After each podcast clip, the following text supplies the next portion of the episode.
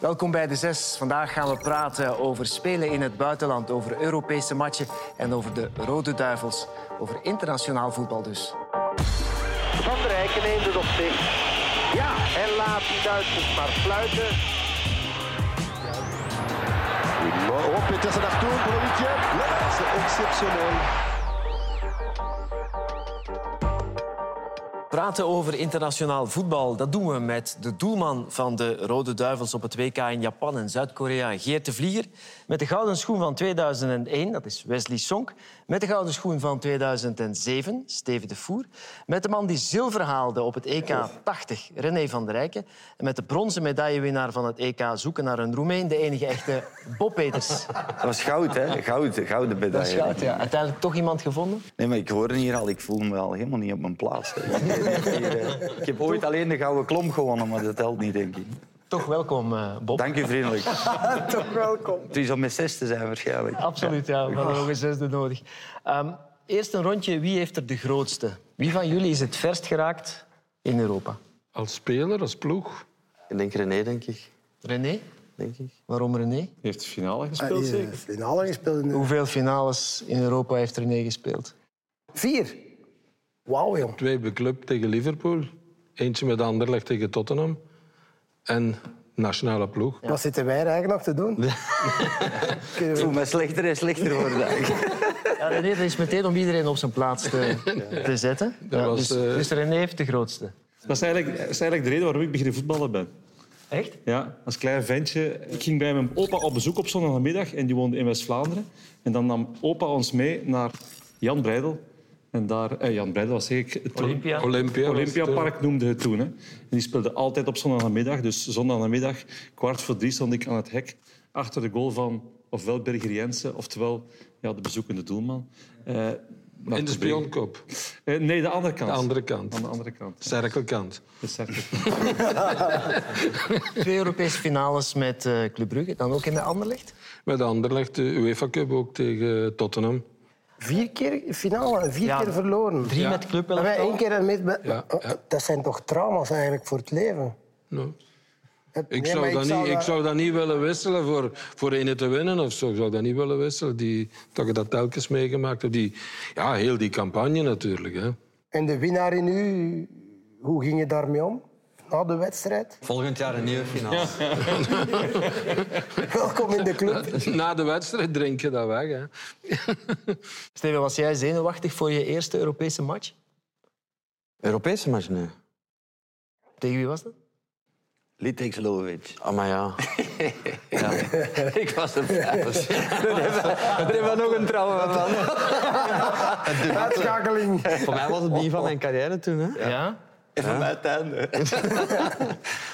Maar jullie verloren toen, hè? Ja. Ja, we beginnen er 2-2. Ik dacht, ja, dat is 2-2, 0-1 los. eh, ligt die kwalificatie is binnen. En de week, het weekend daarvoor maak ik mijn debuut, denk ik. En dan... eh, ja, die eerste, wij komen daar 1-0 achter thuis. Ik dacht, kan toch niet? Zo slecht gespeeld en dan ben ik een kwartier ingevallen. Maar dat Nee. was geen vette. Dus jullie speelden samen bij Genk toen Steven debuteerde. Nee. Nee, ik ben gedebuteerd bij René.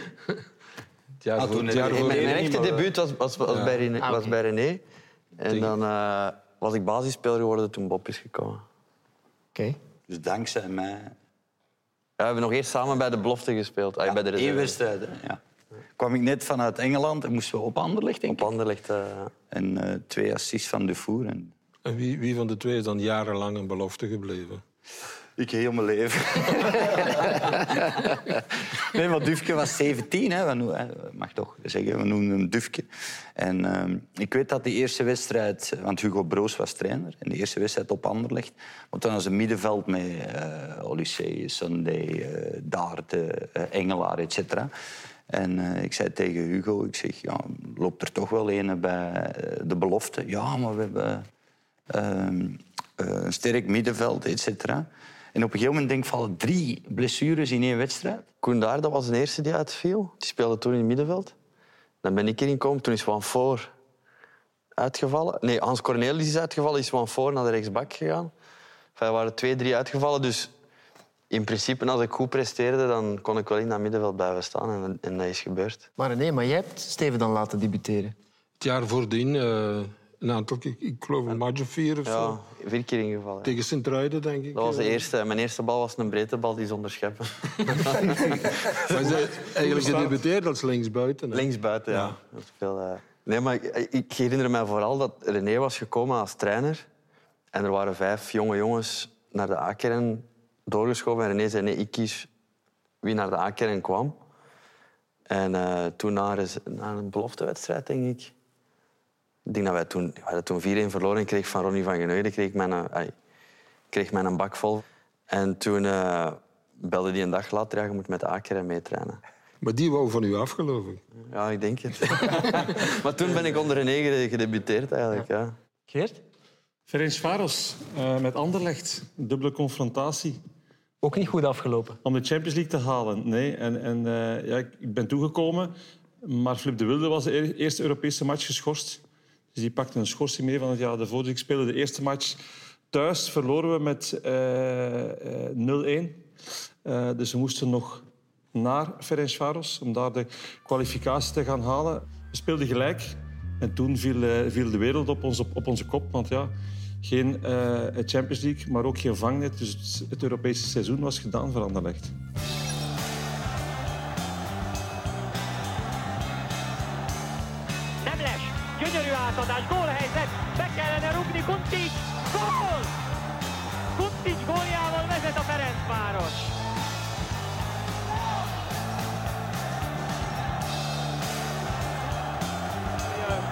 Ontgoocheling is groot bij Genk, dat hebben ze alleen maar aan zichzelf te wijten. Het schot van Popov is zwak, maar Sandrinho tikt de bal in doel. Het is 0-1 voor Lovic.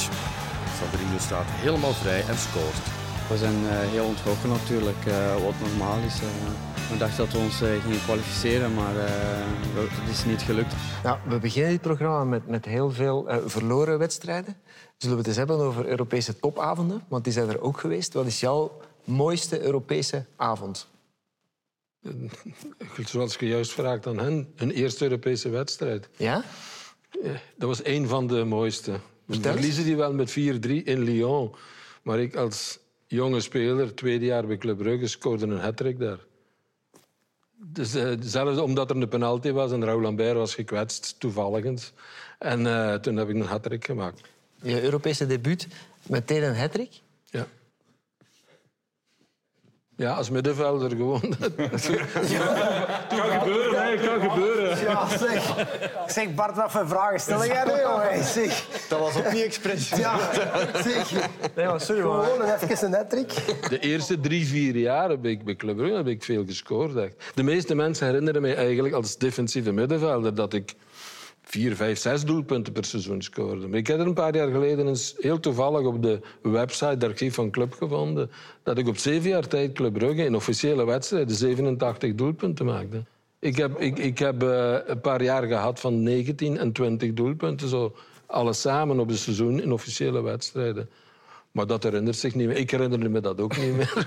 En was dat dan infiltratie? Ja. Want we, we zijn bekend van uw afstandsschot Ja, ook, dat zeiden veel mensen later, in- ook in die periode. En eigenlijk qua afstandsschoten heb ik weinig gescoord. Maar dat was ja, Uli Lefevre links, eh, Roger van Gool rechts en met Julien Kools, die kwamen op de flanken. En ik moest ja, in de 16 meter duiken en, en van 5, 6 meter meestal maakte ik mijn doelpunten. Ja. Pak ons nog eens mee naar, naar Lyon, die een avond. Europees debuut, dat gebeurt. Oh, dat, herinner- dat gaat allemaal zo snel, vind ik. Ik herinner me van heel veel wedstrijden, zelfs niet meer de kleedkamer waar we geweest zijn. Dat zit je zo geconcentreerd bezig eigenlijk. eh. en ik heb dat later eens opgezocht of zo, want anders dan... Was dat met Ernst Happel als trainer? Ja, ja, ja. Is dat bij jullie ook, dat jullie dat vergeten zijn op een of andere manier? Ja, er zijn soms eh, maar een paar details dat je kunt, kunt onthouden. Weet jij nog overal de kleedkamers waar je Europees gespeeld Ik ook niet. Nee, nee dat... eh, Niemand, denk ik. Jij wel? Hoe die eruit zagen. nog. Ja? Of hoe... Ik, ik weet alleen dat in San Siro... Dat, dat was het meest ontgoochelende kleed. Dat was lang, hè? Lang. Ja, maar ook zo, echt zo...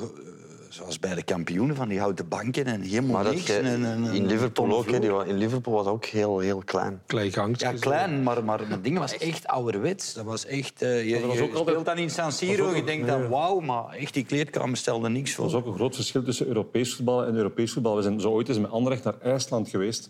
Waar je eigenlijk als op een provinciaal veldje met een piste er rond, amper een tribune, daar ergens een kleedkamer zoekt en dan 's namiddags op een, een, een woensdagnamiddag om vier uur voor 250 man die match speelt. Zo, dat, is, dat is ook Europees voetbal. Hè? Absoluut. Ah, dat was Litex Lovic. Ja, dat was ook zoiets, ja. Maar dat was s'avonds. heb ik ook nog niet verwerkt, dat. Maar wij zijn eigenlijk een voorbeeld van de evolutie van het Belgisch voetbal. Hè. Ik bedoel, René, de vorige generatie, hebben finales gespeeld, successen geboekt. En wij zijn eigenlijk allemaal ja, op de limieten gestoten, denk ik, van, van, van Belgisch voetbal. Maar ik vraag me eigenlijk af, op, op dat moment speelde geld toch niet zo'n belangrijke rol in het hedendaagse voetbal. Is, of is dat gewoon dat jullie vonden dat de kwaliteit van jullie groep toen even sterk of even goed was dan... dan Nee, want Dan een Liverpool ploegen- ik heb van de week nog eens nagegaan welke ploegen wij uitgeschakeld hebben met Club Brugge. En met Anderlecht eigenlijk ook. Toch Real Madrid, AC Milan en zo. Die hebben wij uitgeschakeld en gezegd, ja, nu is dat bijna onmogelijk. Maar toen was dat voor de wedstrijd ook onmogelijk bijna. Dus die, die, die verschillen waren ook groot. Hè. Daar is hem. Zijn eerste goal. Dat wordt hem, dat is hem. Voilà, we hebben het u gezegd. Stel dat je nu een speler hebt die drie Europese finales speelt en met zijn land ook nog een finale van het EK speelt. Die moet nooit meer werken. Was jij binnen na je actieve carrière als voetballer? Nee, maar dat, dat kun je ook niet vergelijken. Dat is heel de maatschappij en was, voetbal. was je dan binnen Nee, of niet? Nee, je moest echt nog gaan werken moest als nog, trainer. nog proberen trainer te worden. maar dat was snel, want bij mijn tweede kniekwetsuur vroegen ze mij in Gent na tien dagen om trainer te worden. En mijn eerste training in Gent heb ik op krukken gedaan. Die heb ik de tweede dag weggegooid eigenlijk. En hoe oud was je toen? Eh, ik denk 36 zo. Dan was het misschien toch tijd om te stoppen. Ja, maar eigenlijk wou ik nog terug revalideren en terugkomen als speler. Maar ik heb dan ja, toch nog een aantal jaren meegetraind.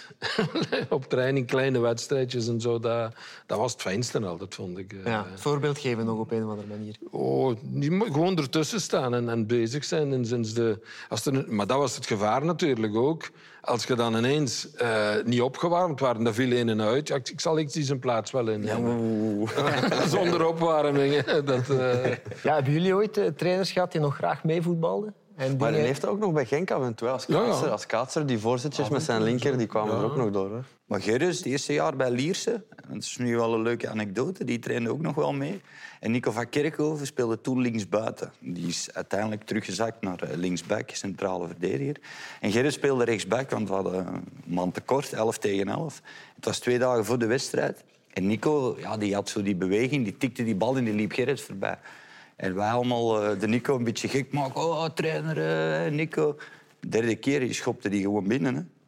Die schopte zijn eigen linksbuiten binnen. En wij zeiden, coach, eh, hij gaat niet met mijn kloot spelen, hij.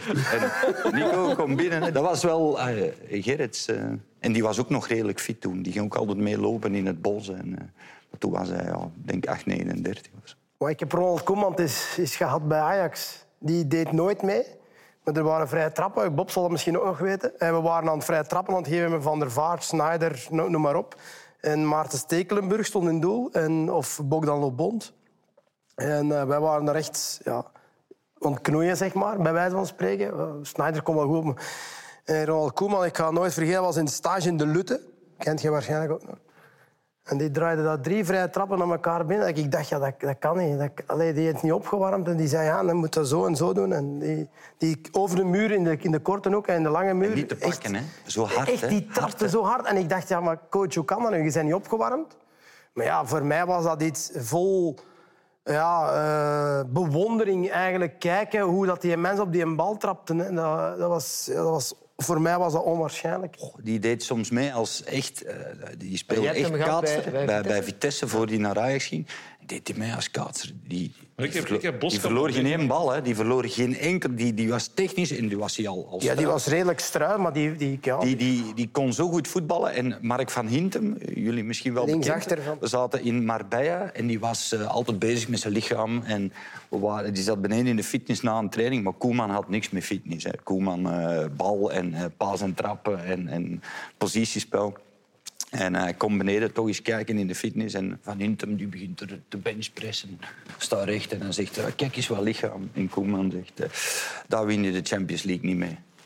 En die was weg. En Van Intem stond er met zijn... eh, Dus die had wel een autoriteit. Hè. Die, die, die, die zei niet veel, maar als hij iets zei, was wel... eh, die had wel een, een enorme uitstraling. Steven? Ik heb altijd ex-voetballers gehad als trainer. Ook Beleuni ook. Hè. Dan legt hij dat balkje met zijn linker voor een vrije trap. Waren ook vrije trappen aan het doen. Hè. Die legt hij een bal. Dan zei hij tegen Bollat... Dan sta je in die goal. In die verste hoek. Drie keer achter elkaar. Nou, toen had hij toch al wat leeftijd. eh, Ja, natuurlijk. Hè. Maar dan, allee, die, heeft ook, die heeft de Champions League finale verloren, denk ik. Hij heeft penalty gemist. Ja. Vertelde hem ook altijd. Maar... Toch even zeggen dat de Champions League finale was. En dan, eh, ja, maar zei ik zal de keeper wel opwarmen. En dan gaf hij zo'n paar ballen. En dan zegt hij, "Zet je klaar? Ja. En die volgende vijf ballen die volgen dan los in die winkelhaak. En dan stonden we daar zo naar te kijken. Ja, dat was echt... Is dat belangrijk als voetballer om dan toch zo'n soort voorbeeld te kunnen zien van die gasten die kunnen wel iets?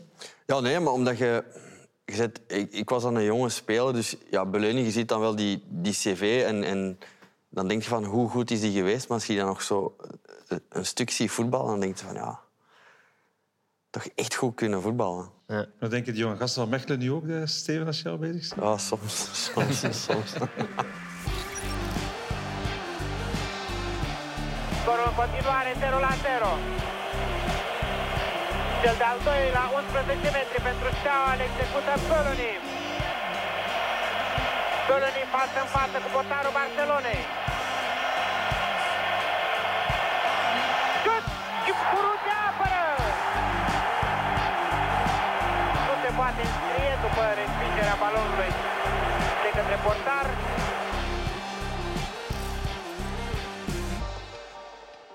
Ik heb zo ooit een van mijn absolute jeugdidolen als trainer gehad. Dat gaat komen. Nee. Wie? Van de periode van de René tegen Liverpool, Kevin Keegan. Dat was... Bij City. Ja, bij City. Ja. Ja, die, heeft, me- die heeft me toen bij City gehaald. En het is altijd gevaarlijk als je zo idolen hebt van vroeger, dat je die dan leert kennen, dat je denkt van... Fuck man, dit valt echt wel zwaar tegen. Maar bij hem is dat alleen maar... Is die, die, die bewondering alleen maar groter geworden eigenlijk. Op het moment dat, dat ik in een voorbereidingswedstrijd eh, mijn Achillepees afscheur... eh, Ik was amper een paar weken bij City. Ehm, dus voeren ze mij mee achteraan in de bus op zaterdagavond. En hij had te horen gekregen dat ik eigenlijk op zondagochtend de verhuiswagen verwachtte van België, die alles kwamen installeren. Maar ja, ik lag. Dus hij kwam naar achter in de bus gelopen en zei... Ja, I heard you have some problems for tomorrow. Zondagsmorgens, ding-dong aan de bel, zeven mensen van de club. De gaffe Sendes. En om drie uur in de middag zat elk vijsje zat in elkaar, elk bed was, uitges- eh, was uitgezet, elke kast stond in elkaar. Eh, dat de gaffe had dat geregeld. Ah, Als je zo mocht binnenkomen, dan weet je meteen hoe dat iemand in elkaar zit. Dat is zeer belangrijk. Ik vind dat dat iets tijdens de, de buitenlandse eh, clubs die ik gehad heb, dat dat een zeer groot manco Je is. bedoelt Ajax, Gladbach? Ja, ja, ja. Omdat je de taal een beetje spreekt natuurlijk. In, in Amsterdam kan je je plan trekken. Wat was er dan zo slecht? Niets, niet slecht, niet, niet slecht. Niet geregeld. Maar, eh, Moest veel zelf doen en zelf ja, heel veel zelf eh, ontdekken. Ja. Plan trekken ook. huizen zoeken. Er werd wel wat geholpen, maar uiteindelijk... goh, ik, bijvoorbeeld, ik, ik, heb, ik heb een verhaal. Ik ging toen met mijn toenmalige vrouw ging ik een huis zoeken. En ze hadden mij verteld, je moet naar Vinkeveen. Ja, eh, Vinkeveen. Vinkeveense plassen, ja. Vinkeveen, dat is het van het. Hè. Dat is, daar wonen al de, de bekendste mensen. Maar ja, wist ik veel van Vinkeveen. Was, eh, dus ik ging naar Vinkeveen. En eh, ja, naïef zoals ik nog een beetje was op die leeftijd. Dat, ik ga dat doen, ik ga er naar kijken. Ik stap er ergens binnen, zo'n kantoor. Ik zeg, ja, ik heb twee kindjes. Zou, ik zou toch graag een tuintje hebben voor de kinderen en zo. eh, en als het kan, open bebouwing. Allee, ik bedoel, het hoeft niet, maar eh, oké, goed, die pakt zo'n boek. Die pakt op die tafel, die begint die een boek zo. Kassen van villa's. 5 miljoen euro? 6 miljoen euro? ik, zeg, eh, ik zeg, is dat 4000 euro per maand of zoiets? Hij zei, nee, dat is 4 miljoen voor te kopen. Ik zeg, bedankt en tot ziens.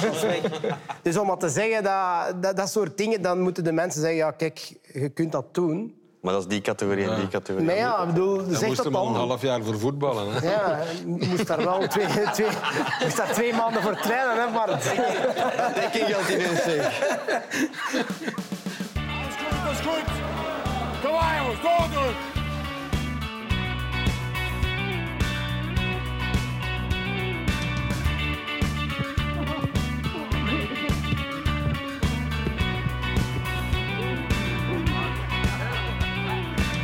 René, jij hebt ook in het buitenland gevoetbald. Twee jaar in Italië, een jaar in, in Berlijn ook. Hoe was dat toen, in die tijd? Italië was goed. Niet zozeer van de club uit. Maar, Genoa, hè? Genoa. Maar daar ben ik direct geholpen geworden door iemand die supporter was en waar ik nog minstens om de 14 dagen nu telefonisch contact bij heb. Echt? Die heeft mij helpen verhuizen. We hebben verhuisd ja, van, van Brugge en wij namen al ons meubels mee voor de kinderen om die zich zo snel mogelijk te laten aanpassen in hun slaapkamertje. En hoe oud waren de kinderen toen? Eh dochterke was zes jaar. Die ging naar gewoon de gemeenteschool daar in het Italiaans. En de zoon, eh, Dimitri, die was één jaar. Maar ze hebben dat goed doorgekomen. Dat is onze ervaring wel. Dat onze kinderen door die buitenlandse eh, eh, verblijf, dat die daar enorme eh, ontwikkeling meegemaakt hebben. Ja, ons, dochter deed het eerste studiejaar en, en in het Italiaans. En het zesde studiejaar, vijf, zes jaar later in Berlijn, in het Duits. Is de later vertaler Duits-Italiaans geworden. Echt? En ze geeft nu les Duits in, eh, al een paar jaar. Ja. En dat is eigenlijk op het moment dat je naar het buitenland van plan bent om te vertrekken, dan denk je vaak van, wat ga ik de familie aandoen? Ik pak die mee en die gaan...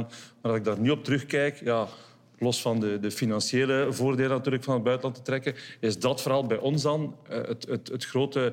Ja, Hoe oud waren de kinderen toen? Eh, vier en zes. Die passen zich nog makkelijk aan. Hè. Maar je hebt altijd zo de indruk zo van... Ja, wat gaan ze... Wat gaan ze Wat doen ze aan? dat doen ze aan, maar die kinderen passen zich ongelooflijk snel aan. En bij mij was dat ook het feit dat mijn dochter na een paar weken... Die, die sprak al... want Mijn dochter heeft verschillende scholen gehad in Duitsland, ook nog in Nederland. Op een gegeven moment komt ze thuis en die zei... Ja, papa, ik ga bij Romy spelen. Die sprak al Amsterdams. Dus ik doe maar lekker normaal, moet ik zeggen. Ik ga bij Romy spelen. Ik dacht, oké dan. Hè. Dus die kinderen passen zich ongelooflijk snel aan. En ik zie daar ook de voordelen nu van in, is dat die, die trekken zich ja, zo snel in een plan. Dat is op dat gebied wel top geweest. Ja, waren dat ook eh, zotte contractonderhandelingen die jullie gevoerd hebben toen met buitenlandse ploegen? Zot niet. Maar ja, dat was in orde. Zotte bedragen. Zotte bedragen. Ja, zot, ja, eh, zot. Wat is zot? Jij kon kiezen hè, waar je naartoe eh, wilde op een bepaald Ja, ik kon, moment. al, ik kon op een bepaald moment naar Lokomotief Moskou en die voorzitter die kwam. En die zei op een bepaald moment, ja, het contract is 2 miljoen netto, 1 miljoen euro tekengeld. En eh, ik zat daar, ik keek naar mijn manager, ik zeg, dat is meer dan wij eigenlijk zouden vragen. Ik zeg, doe er nog maar een klets bij. We doen er een klets bij en die man die kijkt, ja, is goed. Echt? Ik dacht zo, tju. Want eigenlijk, ik wou er niet naartoe gaan, want Porto was geïnteresseerd, maar dan, ja, dat, dat, dat duurde dan een beetje langer. En op een bepaald moment ja, moesten we dan tegen Lokomotief zeggen van ja, het gaat niet doorgaan, want we hebben voor Porto gekozen. Dus ik moest tegen Lokomotief zeggen van... Dus ze hadden dan privéredenen aangehaald. Die hadden de nummer via via van, van, van mijn toenmalige vrouw gekregen. En die bellen. Ik zeg, kijk, het is heel simpel. Het is blanco cheque. Vul zelf je cijfer in. Ik was toen eigenlijk te jong om echt puur, puur voor het geld te denken. Ik had toen ook niet echt veel goesting om in Rusland te gaan voetballen. Ook omdat Porto juist eh, Europa League had gewonnen. Dus dan wou ik echt absoluut naar Hoe Porto. groot was het verschil met Porto? was toch een stuk. Alles was netto in Rusland natuurlijk. Hè. En bij Porto stond er een bedrag op de cheque. Hè? Er waren echt momenten dat ik dacht van... Had ik nu maar in Moskou getekend, omdat dat met, met Porto... Ik dacht van, ja, dat komt niet in orde, dat komt niet in orde. Dat ik zo van die momenten had van... Ja, ik heb eigenlijk alleen maar moeilijke, moeilijke transfers gehad. Ja. Ja, maar ja, hetzelfde... Omdat je kon kiezen. Ja, nee, ook eh, op een bepaald moment... Ja, ik, ik, had, ik had het in Anderlecht gehad en, en, en Van Holsbeek zei van... Ja, je moogt vertrekken.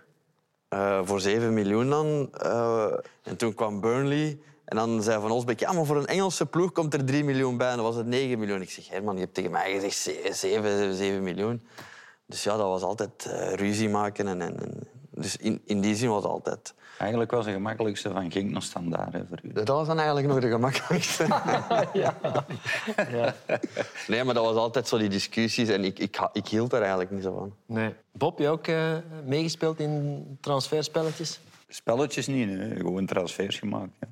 Maar ik had geluk, mijn, mijn eerste transfer was eigenlijk van, van Lierse naar Roda. En dat was het begin van het Bosman-arrest.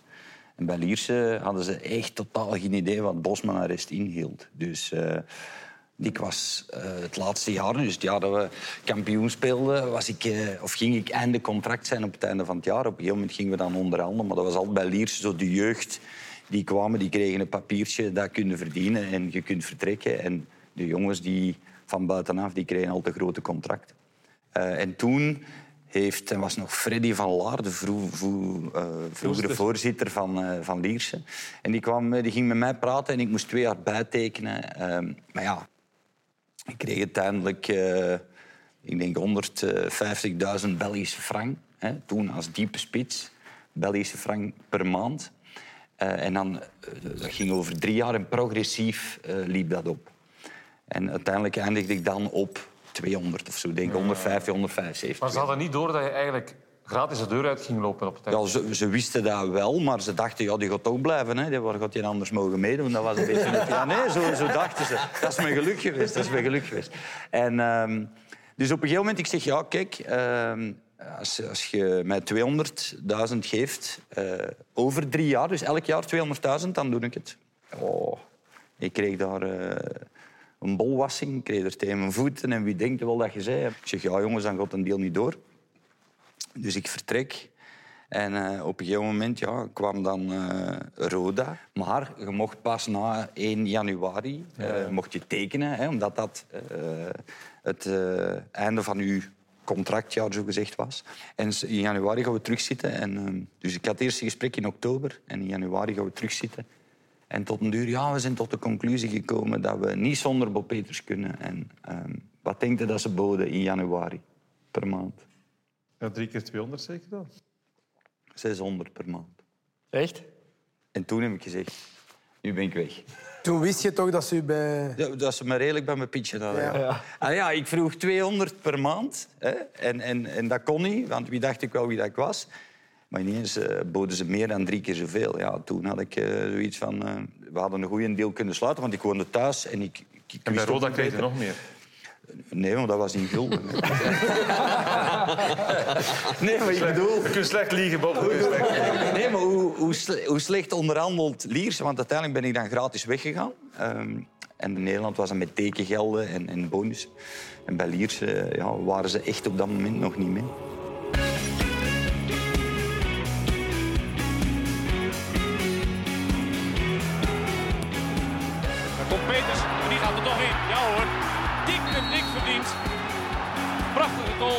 Peters. Zijn vijfde van dit seizoen. Klassiek met de kop binnengeslagen via de onderkant van de lat. 1-1 na 72 minuten.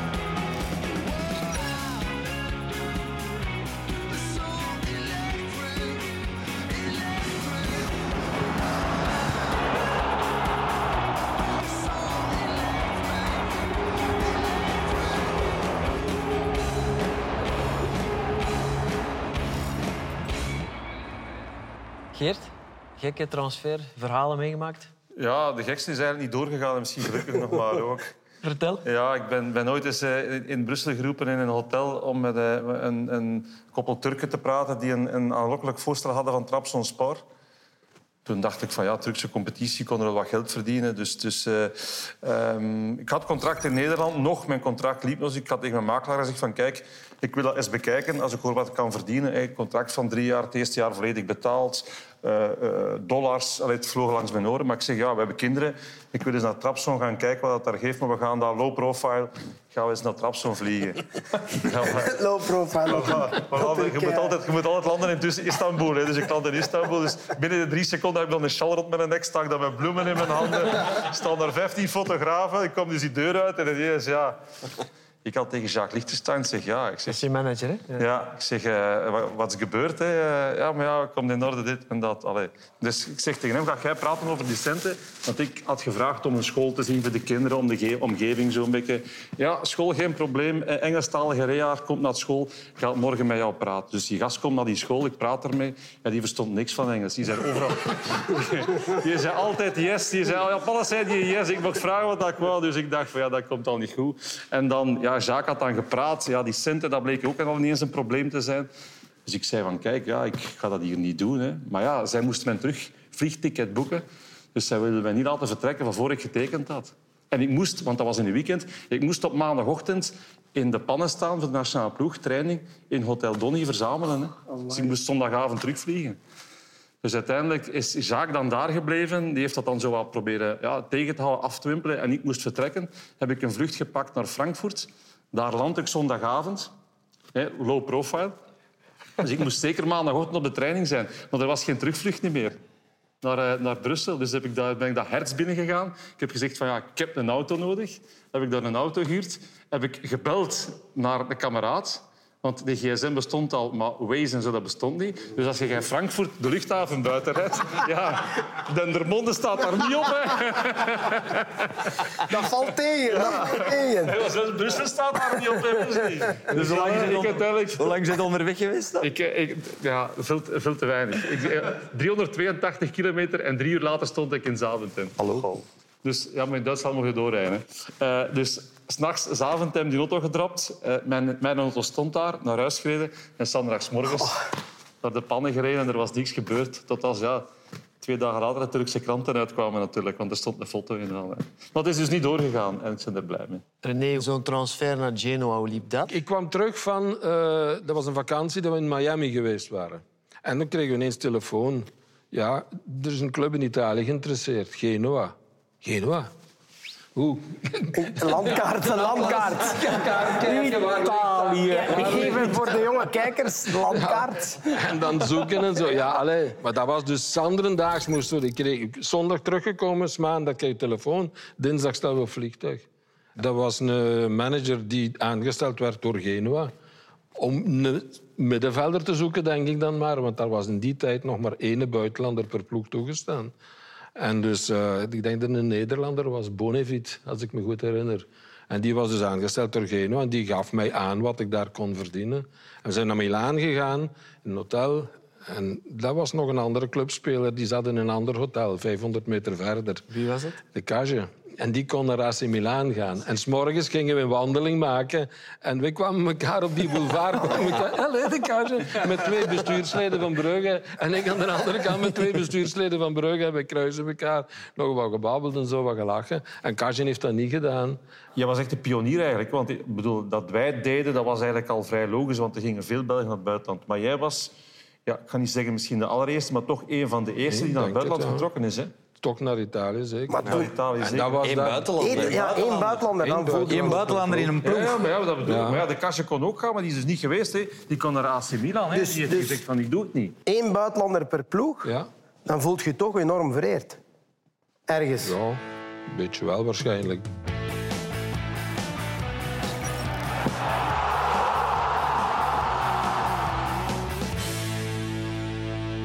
We zitten hier met allemaal eh, Rode Duivels. Eh, laten we het hebben over de Rode Duivels. Steven, waar was jij de eerste keer toen je werd opgeroepen? Waar was ik? Grote kans dat ik op school zat. Dat is echt. Ze wil blijven zitten. Nee, maar dat was in mijn laatste maanden. En eh, ik herinner me, ik werd opgeroepen door, eh, de eerste keer opgeroepen door René. Ik denk dat ik waarschijnlijk op school zat en dat ineens mijn gsm eh, begon te vibreren. Ja. Eigenlijk wel veel te danken aan de René. Hè? Ja, altijd mijn debuut Debuut, gemaakt. debuut Nationaal Ploeg, debuut Genk. Zeg een keer dank u wel. Was het in die periode tussen 2002 en 2012 was het eigenlijk fijn om Rode Duivel te zijn? En voor mij wel. In, in de zin van eh, de eer om voor nationale ploeg te spelen, dat komt voor mij boven alles. Ook als de resultaten dan niet goed Altijd. Altijd, Bart. Altijd. Dat gevoel, als je in Koning stadion ergens anders staat en je mocht dat volkslied zingen en je staat tegen een, een land te spelen, of, of klein of groot, dat maakt niet uit. Je bent bij de beste van je land en dat is een zalig gevoel. En als kind eh, vraagt dat aan, ons, ons allemaal, of dat nu een René zijn tijd of mijn tijd, of een Geert of een Bob of een Steven. Als je kind bent, je droomt daarvan en je denkt nooit dat dat werkelijkheid gaat worden. En toch is dat zo geweest. Het gevoel dat zij beschrijven om Rode Duivel te zijn, was dat hetzelfde gevoel? De jaren 70, 80? Ja, bij mij was dat veel vroeger dan dat ik gedacht had, uiteraard. Het tweede seizoen, denk ik, bij Club Brugge werd ik al opgeroepen. En ik heb dus 50 interlands gespeeld, maar de eerste twee onder Raymond Goethals. Die maakte zo'n indruk op mij en op iedereen, denk ik, maar zeker op mij als jonge speler, hoe goed dat hij de tegenstander kende. De uitleg over de tegenstander was veel langer dan de uitleg over de eigen ploeg. Maar achteraf gezien denk ik dat ik het moeilijk zou gehad hebben om met zijn mentaliteit, zijn, zijn taal en alles eh, jaar in jaar uit in een club als trainer hem te hebben. Ja. Dat wel. Dat denk ik met mijn mentaliteit dan. Vanwege het, het ludieke toch een beetje in zijn. Jawel, jawel dat, Ja. dat, dat was... Maar ja, dat, maar alles maakte als jonge speler zo'n indruk Ja. op, op u daar. Maar Dat zou gebotst hebben, denk ik. dat weet ik niet of dat gebotst zou. Ik zou niet, maar ik zou dat niet plezant gevonden. Ik, ik, achteraf ander, ja. Als- ik eh, Happel gehad heb als, als trainer, vijf jaar, eh, Simoni in Genoa en zo. Dat waren heel andere types. Dat, dat was niet zoveel lachen eigenlijk eh, als met Goethals. Nee. Wat was jouw mooiste moment als Rode Duivel? Als speler zelf, ja, DK 80. Hè. De verloren finale? Ja, de verloren finale, maar, eigenlijk was de, wedstrijd tegen Italië nog iets mooier, vond ik. Ja. omdat we ons daar tegen het thuisland kwalificeren. Ja. Weliswaar een gelijk spel, maar dat was genoeg voor ons.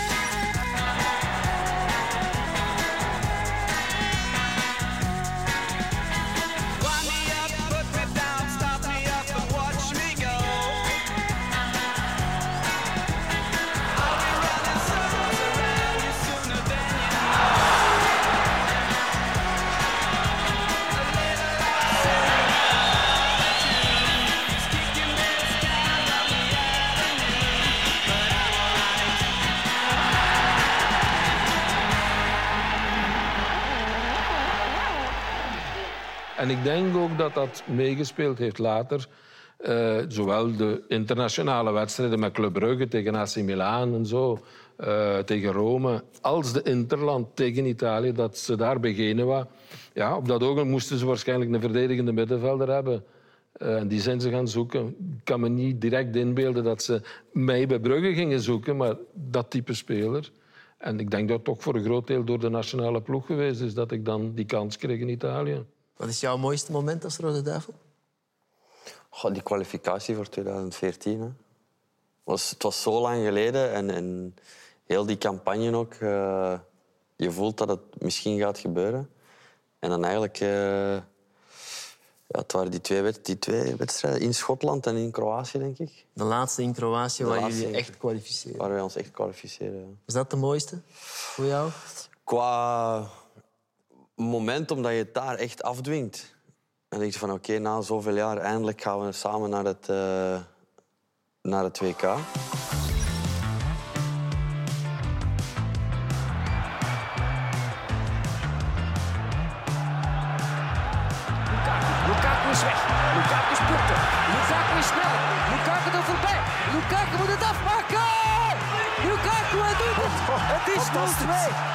Goal. En kijk eens daar. Nu al het delirium. Zo dicht zijn we nog nooit bij Brazilië geweest. Romelu Lukaku. We gaan naar Brazilië. De Rode Duivels mogen eindelijk nog eens naar een groot toernooi. En dan ja, op het WK, oké, dat is een hele belevenis natuurlijk. Hè, maar op zich was dat, was dat leuk, maar je- als voetballer speel je dan natuurlijk liever. Hè. Zeg, op WK was toch fantastisch. Maar ja, ik heb daar één wedstrijd gespeeld en ik had na, na, na 40 minuten rood, denk ik. Ja. Dus dat was dat, dat was dat minder voor mij, maar het was wel een heel mooie Was dat ervaring. Tegelijk ook misschien je minste moment eh, als, als Rode Duivel daar? Nee, ik vond gewoon... De, sommige thuiswedstrijden in Koning Boudewijn stadion tegen Armenië of zo... 5000 man. Ja, ik vond dat jammer dat, het, dat er zo weinig volk... eh, Ja, zelfs als dat veel volk zat. We hebben nog tegen Schotland gespeeld voor een vol stadion. Zelfs dan gaat er veel verloren. Ik weet, ik weet dat we ooit eens op, op Gent gespeeld hebben. Klopt, tegen San Marino. Tegen San Marino, ergens op het einde van het seizoen. Het was vol een bak eh, Roland Garros met de tennister. Dus België leefde enorm. Ja, Dat is, kijk, dat is een match die bijblijft. Omdat het maar tegen San Marino was niet, maar gewoon wat dat in Gent was. Op het stadion, ambiance. Dan maak je in de Heizel eigenlijk... Heizel is geen Maar ik ken er nog voetbalstadion. hè. een, nee, ik ken er nog een die goede herinneringen heeft aan San Marino. Ah, San Marino. maar het mooiste moment is dat je de eerste keer wordt opgeroepen. Hè? Ja? Want je vroeg aan eh, Steven waar hij was. Ik trainde toen een jeugdploeg bij Ternes. En dat was in een tijd, werd dat nog op eh, de radio werd dat nog medegedeeld, of op tv. Want Toen, toen eh, de gsm's of zo waren nog niet eh, van toepassing. En ik weet dat, eh, dat we in de kantine na de wedstrijd een pintje aan het drinken waren. En oké, de selectie, iedereen moest stil zijn. En ja, toen hoorde ik dat ik erbij was. Dus dat zijn toch wel momenten die, die je koestert. En dan inderdaad, de eerste goal dat ik ooit scoorde was in Letland. Eh, dat is ja, iets, je eerste goal maken voor de nationale ploeg, dat is fantastisch. Ja, en dan tegen San Marino een hat ja, dat is... eh, dat is helemaal fantastisch. Maar, maar toen tegen San Marino zat er toch, dat was toch vol een bak? Dat was Dat toch... was redelijk, ja, maar oké, maar met die piste en zo. Het was 9-1 toen, hè. Weet je nog? Dat er een van die gasten... Ik ben Zijn zijn de, zijn de, serieus of niet? Het was 10 hè? 10 nee, sorry. Ja, ja, nee, 10 omdat je zei 10-1. 9-1. Ja, nee, Ja, 10 ja, ja. En ehm, ja, tegen San Marino, bedoel, bespreking van een tegenstander, dat gebeurt in zo'n match. Dat was de Ja. facteur, dat was maar Ja. één professioneel, dat was die Sella. Ja. Ja. Als ik me niet, als ik me niet vergis. die, die, die, vrije- die vrije trap gaf. Ja, die vrije trap in- in San spelervattingen, spelervattingen van een tegenstander vragen zo'n paar spelers van waar moeten we rekening mee houden. En ik weet nog dat de assistent Vince Briganti zegt van ja, er loopt geen Ronaldo tussen. Hè. Ik bedoel, eh, hij, Los in de pin, hè? Los in de pin, hè? Ja, los in de pin in San. Steven, maar los in de winkelaak. Maar los in de winkelaak. Ik zat toen op de bank. tegen. eh, Dat weet ik nog. Maar jij toen in... in Ik ben San toen ingevallen, ja. Maar in maar- San Marino... in San Marino. ik- Mijn 1-1 eerste, bij de rust. eerste interland was 1-0 voor mij tegen, ook tegen Letland thuis. Dus ik werd ook opgeroepen. Nee, ik geloof dat niet, want ik ging vertrekken op vakantie. Mijn vakantie was geboekt. Eh, Dus je kon niet met vakantie. Ah, nee, nee, maar was, was met plezier eh, weggedaan. Nee, hè. oké, ja. maar dat was de eerste reactie. Ik zeg, ik opgeroepen nationale ploeg, dat kan niet. Ja, ik bedoel, ja, dat is zo typisch. eh, en dat was, mijn eerste interland was Letland, thuis gewonnen. Drink 3-0 of 3-1. Heb ik een kwartier mogen meedoen. En de tweede keer was dus in het befaamde San Marino. Tegen de rots. dat dus- Nee, nee. Ja, San Marino. In San. Marino is, is Dus hij 1-1. ingevallen voor mij. ja. Dus inderdaad, wij, wij drukken daar. Maar ja, dat was, dat was zo'n moment dat dat niet goed ging. En, maar dat was 2000 man of zo. 1-0 en dan 1-1 die Sella, hè, die, die plakkende pin. En blijkbaar, ik ben niet binnen geweest, maar blijkbaar zijn dat redelijke harde woorden Maar niet gevallen. normaal, niet normaal. Wat zij, ze kon zich kwaad maken, maar zoals toen, dat was echt niet meer normaal. De, de Ik heb ramen- dat niet de meegemaakt. ramen, de ramen vlogen eruit. Was dat echt razend? Ja, dat was, Roepen, dat was raar. Maar ja, oké, San Ik heb hem maar dat één keer, ik heb maar één keer kwader gezien. Dat was, eh, Dat was in Kroatië. was in Kroatië, maar dat was uw schuld. Maar ja, ook, allee, ja, het was ook belachelijk. Ik bedoel, bij de rust San Marino 1-1, dat was ook geen goede match. Maar ja, oké, ja, einde van het seizoen, eh, zo eh, Ja, je, zomerse... je hebt niks weggegeven, hè? geen enkel kansje. Nee, ja, hè. die Ik mannen bedoel, dat was ook per, per zijn nog stoelings... 1-4, hè, denk ik. per ja, 4-1 gewoon, 1-4, 1-4 ja, en, Maar dus was zij juist maar één keer kwader geworden. Nee, nee toen, toen was hij heel kwaad eh, onder de rust. Maar ik heb hem eens heel, heel kwaad gezien. En, en dat was ook achteraf eh, onder Wassage het einde van mijn, van mijn internationale carrière. En terecht. Toen, toen we, En terecht. toen we, waar speelden we toen? In Kroatië? Kroatië? In Kroatië. De, de match dat we gelijk moesten spelen We om naar het, eerst E- in de pool om naar het EK te gaan. eh, Japan Het en- WK te gaan. Ja, WK, Japan en Zuid-Korea. We verliezen 1-0. En na de wedstrijd natuurlijk... Ik, ik denk dat ik de laatste 20, 25 minuten inkwam om nog een tijd te verzetten. En dat was Tudor en eh, Kovac, twee centrale verdedigers. En wow, echt twee beesten. En we komen na de wedstrijd binnen. En ja, hij had altijd wel iemand... eh, ik was er twee jaar van gespaard gebleven, maar hij had altijd wel iemand die, die het gedaan moest hebben. Hè, wat zei ze, eh, na de wedstrijd. En ik weet dat ik naast Joost Valgaarden zit. En hij vond dat ik niet goed eh, was ingekomen. En hij begon eh, echt eh, ja, mij toch redelijk af te maken. En ik zie Joost nog altijd zitten onder zijn handdoek. Hè, zo van, oké. En ik hoorde die tegen mij zeggen, rustig blijven, rustig blijven. Dus ik denk, ja, ik ga niks zeggen. En ik laat hem uitrazen. En ik ga naar de douche. Ik had mijn handdoek rondgedaan, ik kon een douche in. En ik zie Bart Goor en Emile Penza staan al onder een douche. Maar ja, we- toen moesten we barrage spelen. Hè. Eh, Tegen en- Tsjechië, hè? En hij moest nog naar de persconferentie om dat gaan uit te leggen. Dus ik kom in die douche en ik zie de Bart Goor staan. Maar dat was zo'n heel oude kleedkamer, heel oude douche. En, eh, en er, er is zo één, ik zit in de douche op en er spuit zo een, een, een, een paar sprieten. Dus ik wil die doucheknop vast eh, draaien. Ik draai om die knop en ineens die douche die schiet vol een bak. En wat zei ze? was in de douche gekomen. Die, die zal eh, komen kijken hebben naar mijn reactie, denk ik. die was zijn haar. Dus, en, ik, en ik zie, ik, zie, ik, zie, ik zie een milleke zo, zo, die stond er te schudden. En een Bart zegt nog pas op en ik draai mijn eigen om. En dat was echt, jongen, die is een bril, die een dingen helemaal kletsnat. En die moest naar de persconferentie. Konar! En oh, toen heb ik er alles eh, op mijn dak gekregen. En ik weet dat we Toen hadden we eigenlijk twee jaar aan een stuk kwalificaties gespeeld. En ik was altijd, eh, er altijd bij geweest. En vanaf toen niet meer in de preselectie van 50 spelers. Dus dat was, dat was toch redelijk persoonlijk. Terwijl ik er echt... Oké, hij is dat er kon niet meer. niet Het is zaliger. Nee, ik kon er niet aan doen, maar hij pakte dat wel heel... eh, Bij u zou dat eigenlijk- nooit gebeurd zijn. Ik kan daar niet aan. Het is dat. Il n'y a pas de hors-jeu. Balle en retrait pour Peters, le dixième. Le voilà. On va prendre un but ou d'en marquer un autre. Bien donné. Oh, c'est bien. c'est super. Ik heb van ex-Rode Duivels wel eens gehoord dat het fantastisch is om te spelen voor de Rode Duivels, maar dat het ook heel veel stress vergt om voor de Rode Duivels te spelen. Echt? Voor mij is dat Snap je dat, Geert? Ja, ik snap dat wel. Ja, ik bedoel, kijk, als je, als je voor een ploeg speelt, dan wil je dat zo goed, zo goed mogelijk doen voor iedereen die bij die ploeg betrokken is. En als je eh, bij de nationale ploeg speelt, wil je dat zo goed mogelijk doen voor iedereen die bij de nationale ploeg betrokken is. En die nationale ploeg, dat is op een bepaald moment is dat, is dat ook de bomma die nooit naar de voetbal kijkt. Is dat, je wordt er door, door alles en iedereen wordt erover aangesproken. Ja, je wilt... Allee, ergens ja, snap ik dat ook wel, omdat je niet bij die generatie... Ik wou niet bij de generatie horen die nooit een WK heeft gespeeld, bijvoorbeeld. Of nooit de speler zijn die dat nooit heeft kunnen meemaken. Dat ze nooit hebben gezegd van, oh ja, die generatie met die en die spelers, die hebben het nooit, eh, nooit kunnen doen. Dus die stress, ja. En ook bij wedstrijden, als je verliest, dan weet je dat alle kranten vol staan. En niet zo bijvoorbeeld... Als je in standaard, eh, toen ik in standaard voetbalde, ja, dan waren die Vlaamse kranten nu echt... Wordt er niet over geschreven of zo. Ehm, Maar voor een wedstrijd? Had jij stress voor een Oh, nee, wedstrijd? nee, voetbalwedstrijd niet, maar zo na die wedstrijd...